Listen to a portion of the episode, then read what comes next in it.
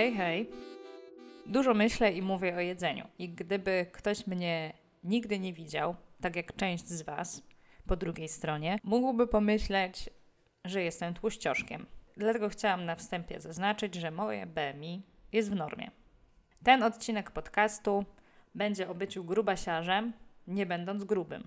W ogóle o tej porze roku zachowuję się jak typowy niedźwiedź. Są dwa tematy, które mnie głównie interesują: spanko i jedzonko. I one się wiążą ze sobą, dlatego że często pierwszym zdaniem, które wypowiadam po wstaniu rano, jest to, co jemy. Mam dwa swoje bóstwa grubasiarza i są to Marta Dymek i Robert Makłowicz. Marta Dymek jest jak matka boska wegańska. Nie wiem, prawdę mówiąc, co jedli weganie, zanim ona nie wkroczyła do akcji. A i sama jako osoba, która jednak od czasu do czasu jada mięso, bardzo sobie cenię jej przepisy i jak tylko wypuszcza coś nowego na swojej stronie, to ja natychmiast chcę to wypróbowywać.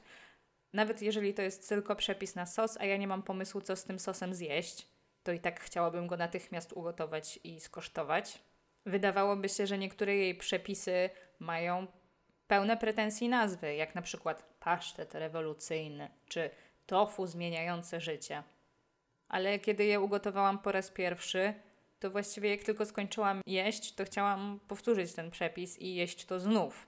Więc te nazwy naprawdę pasują.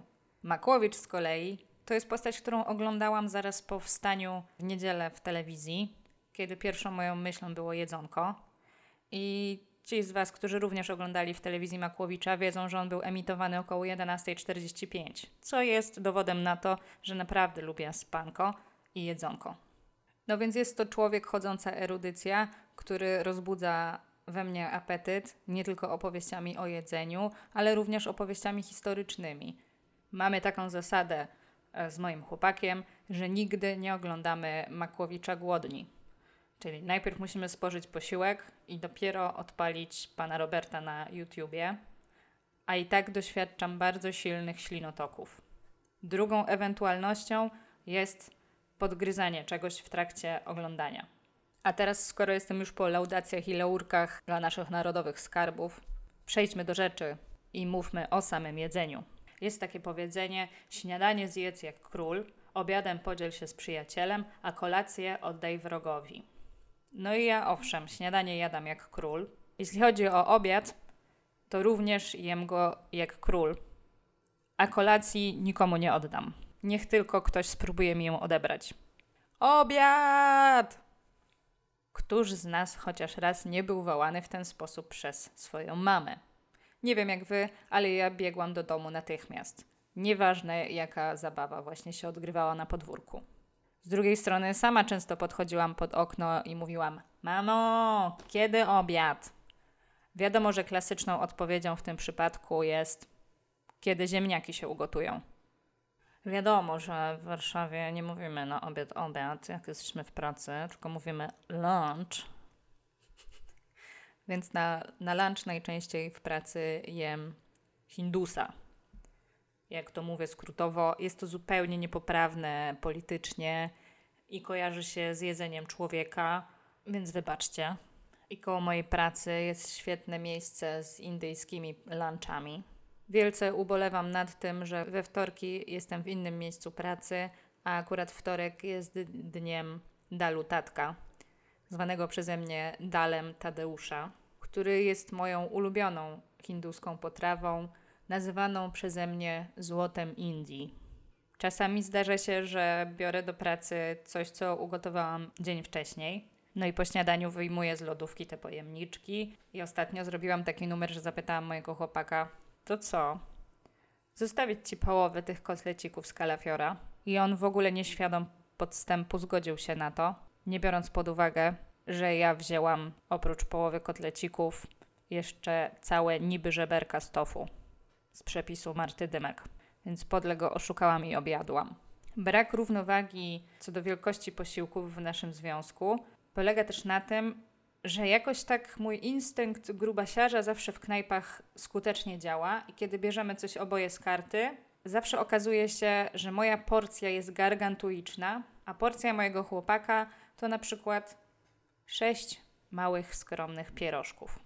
Na szczęście, szczęście mojego chłopaka, nie moje, lubimy się dzielić posiłkami i próbować obu potraw, więc to się jakoś wyrównuje. W życiu grubasiarza są dwa tryby jedzenia.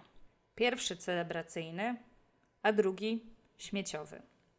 Jeśli chodzi o pierwszy tryb, to albo jest to spędzanie w kuchni kilku godzin i gotowanie nowej potrawy, wypróbowanie jakiegoś przepisu, albo wyjście do knajpy. I kiedy knajpy były jeszcze otwarte, to z okazji przyznania mojemu chłopakowi zapomogi covidowej chcieliśmy wybrać się do jakiejś restauracji, której jeszcze nie znaliśmy. I pewnego piątkowego wieczoru spędziliśmy półtorej godziny na szukanie uroczystej miejscówki na kolację, bo chcieliśmy znaleźć miejsce, które będzie mniej codzienne, a równocześnie, żeby to było miejsce, na które nas w ogóle stać. Czyli nie żadne fine dining. I okazuje się, że w całej Warszawie takiego miejsca nie ma. Więc w końcu poddaliśmy się i poszliśmy do jednej ze znanych już wcześniej knajp, gdzie wiedzieliśmy, że zjemy smacznie i dobrze. Od jedzenia na mieście oczekuję, żeby było przynajmniej w podobnym stopniu smaczne jak to, które jestem w stanie sobie zrobić sama. I to wiąże się z tym, że jeżeli jestem w miejscówce, która ma najgorszą pizzę na świecie, moim jedynym orężem jest pozostawienie recenzji na Google i ostrzeganie przed tą pizzą innych. Do tej pory zdarzyło mi się to na szczęście tylko raz, ale była to pizza najstraszniejsza. Żeby ją sobie wyobrazić, musielibyście wziąć spód od takiej mrożonej pizzy z jakiejś takiej linii supermarketowej. Potrzymajcie ten spód pizzy tak z pół roku w zamrażarce. Potem weźcie wyrób seropodobny i ketchup Tortex i wysmarujcie tym ten spód. A na koniec dodajcie mielonkę tyrolską 9,99 za kilogram. Wtedy dostaniecie to, co otrzymało jedną gwiazdkę ode mnie na Google Maps. Powiecie mi, ale zaraz, przecież mówiłaś o jedzeniu śmieciowym, czy to nie jest spełnienie postulatu jedzenia syfu? No nie, bo junk food musi nam smakować. To, że będą konsekwencje jedzenia naczosów z sosem ze słoika w postaci bolącego cały wieczór brzucha, to już jest inna historia, ale kiedy mnie ten brzuch boli, ja chcę wiedzieć, że było warto.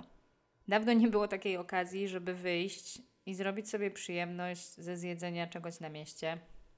No bo jak wiadomo, nie ma teraz takiej opcji. Dlatego ostatnia moja romantyczna kolacja na mieście z chłopakiem to były wegańskie klopsiki z Ikei zjedzone na parkingu w aucie. Jednak zaspokojenie głodu przed dużymi zakupami było kluczowym posunięciem. Dlatego, że innym razem, kiedy byłam głodna w sklepie i oglądaliśmy lampki choinkowe, osiągnęłam poziom Grincha i żądałam odwołania świąt.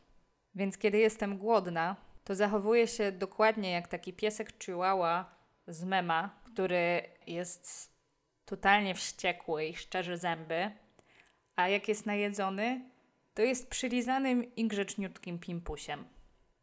Może część słuchaczy słyszała o tym, że kobieta głodna to kobieta zła. Dobrze Wam radzę, chłopaki, weźcie sobie do serca tę radę. Zupełnie inaczej rozmawia się z kobietą sytą. Dla tych, którzy nie wiedzą, oprócz trzech najważniejszych posiłków dnia, w staropolskiej tradycji znajdował się również posiłek zwany podkórkiem. Ostatni posiłek w ciągu dnia, który dzisiaj nazwalibyśmy grubasiarską nocną wędrówką do lodówki. Uskuteczniać podkórek zdarza mi się rzadko, ale jednak się zdarza. Na przykład zjeść 30 minut po północy porcję lodów o smaku słonego karmelu. No i pomiędzy obiad a kolację wciśniemy jeszcze podwieczorek albo deser. Właściwie dlaczego nie i jedno i drugie?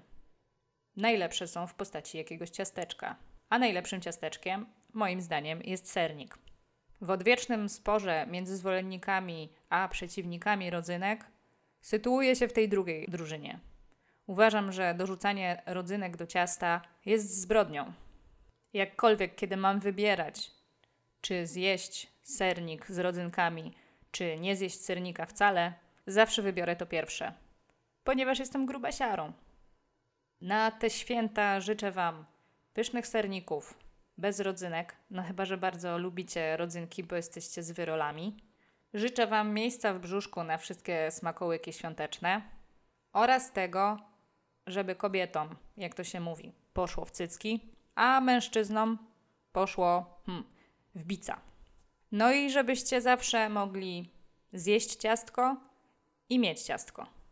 A gdybyście chcieli do mnie napisać, pamiętajcie, że mój adres mailowy to jusia.kroll małpa gmail.com. Do siego roku!